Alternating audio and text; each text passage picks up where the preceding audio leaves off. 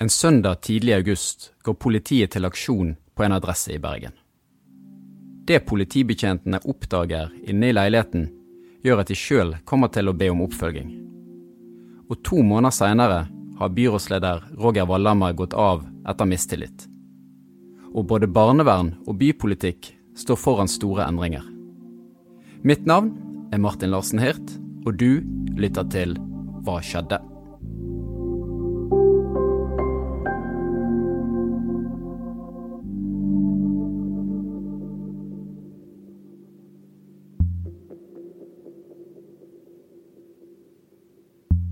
Hana Dali, du er krimjournalist her i Bergens Tidende og har fulgt denne saken.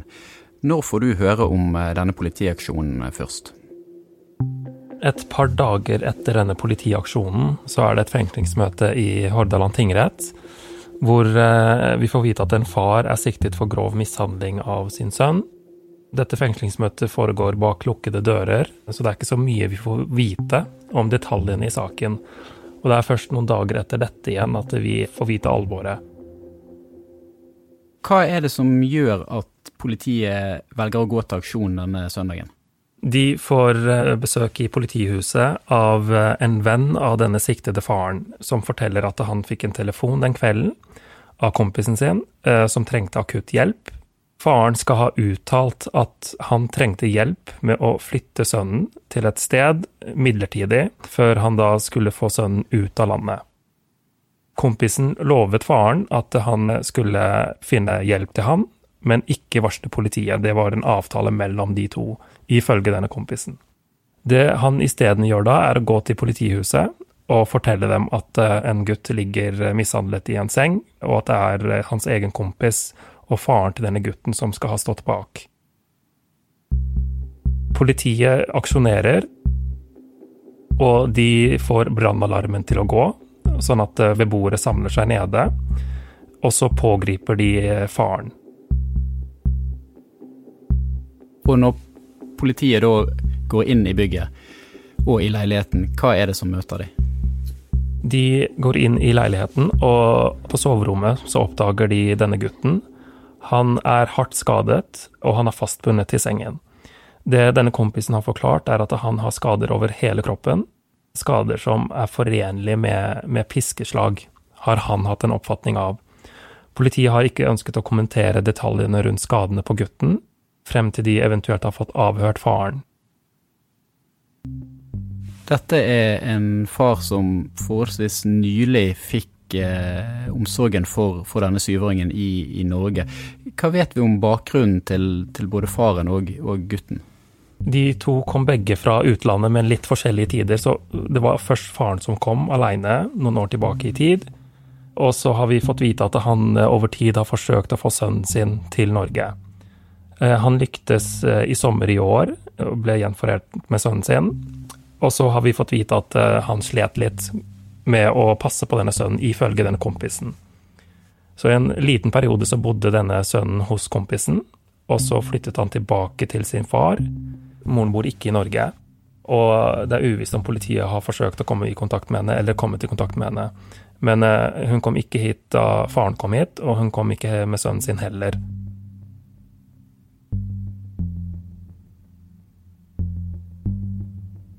Jeg tror mange spør seg sjøl hvordan noe sånn som dette kan skje. Det er en ung gutt, en alvorlig siktelse.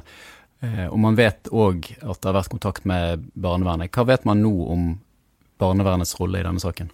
En måned før politiet pågrep denne faren, så har vi nå fått vite at eh, siktede selv tok kontakt med barnevernet og ba om hjelp.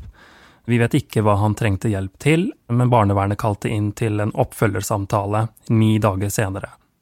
De får nå kritikk av statsforvalteren for å ikke ha registrert denne henvendelsen som en bekymringsmelding. Og etter denne oppfølgingssamtalen så går det igjen ti dager frem til barnevernstjenesten velger å forsøke å oppsøke denne faren. Men da finner de ikke fram til riktig leilighet, og pga. manglende navn på dørklokkene så ender de opp med å bare droppe den kontakten. Barnevernet har fått skarp kritikk av statsforvalteren. Hvordan forklarer de sjøl sin fremgangsmåte og, og handlinger i saken? Vel, de sier at etter at de ikke klarte å finne riktig leilighet 27.07, så valgte de å ikke kontakte politiet pga. bestemmelser rundt taushetsplikten. Har barnevernet tatt noen form for sjølkritikk i denne saken? Da statsforvalteren først åpnet sak, så uttalte barnevernet at de hadde fulgt alle gjeldende lovkrav og retningslinjer i forbindelse med bekymringsmeldingen de mottok noen uker før pågripelsen. I rapporten til statsforvalteren så tar barnevernet likevel selvkritikk, og da f.eks. på tiden som gikk mellom den første bekymringsmeldingen og eh, møtet de hadde med faren. Det gikk jo ni dager mellom de to punktene. De tar også selvkritikk på at det gikk ti dager fra det møtet med faren til de igjen forsøkte å få kontakt med han. Og likevel får de til dels svært sterk kritikk eh, av eh, statsforvalteren. Hva er det man spesielt reagerer på? Man reagerer på at eh, bekymringsmeldingen ikke registreres som en bekymringsmelding.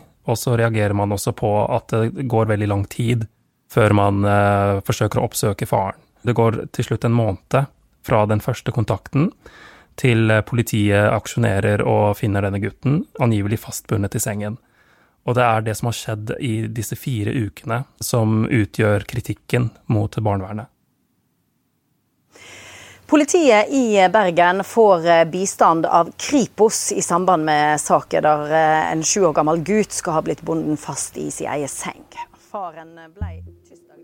Syvåringen har sjøl forklart seg for politiet. Mm. Vet man noe om hva han har eh, forklart?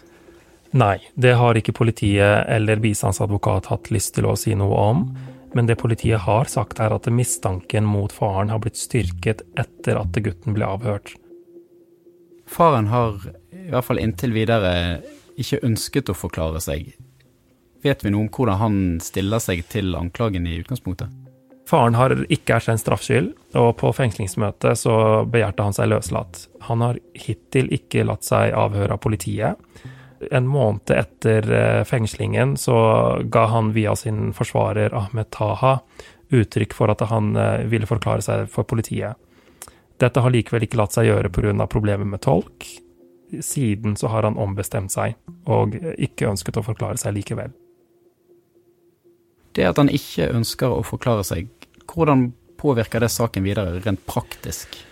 Politiet klarer nok å fullføre saken og påtaleavgjøre saken uten mannens forklaring.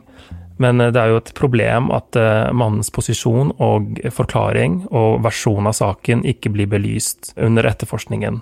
Det kan fortsatt være slik at han ombestemmer seg eller ønsker å forklare seg i retten, det vet vi ikke. Men det styrker jo alltid en sak at den siktede forklarer seg og forteller sin versjon. For den vet vi ingenting om hittil. Hva vet vi egentlig om helsetilstanden til denne gutten i dag? Vi vet at han innledningsvis og over tid fikk oppfølging fra flere offentlige etater. Og så vet vi nå at han ikke lenger er på sykehus, han er utskrevet, og han har begynt på skole. Når vil denne saken komme for retten, hvis det er mulig å si noe om eh, nå? Påtalemyndighetene har sagt at de ser for seg en hovedforhandling, altså en rettssak i denne saken, vinter eller vår 2023.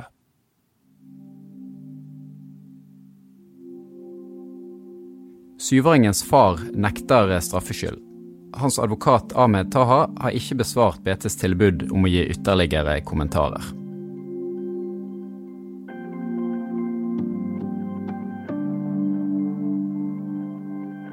Nyhetsklippene i denne episoden av eh, Hva skjedde? er hentet fra NRK Vestland. Ansvarlige for eh, denne episoden er Martin Larsen Hirt og Arve Stigen. Dersom du har innspill eh, til hva vi skal lage podkast om, eller bare har lyst til å gi ris eller ros, ta gjerne kontakt på hva skjedde, alfakrøll, bt.no.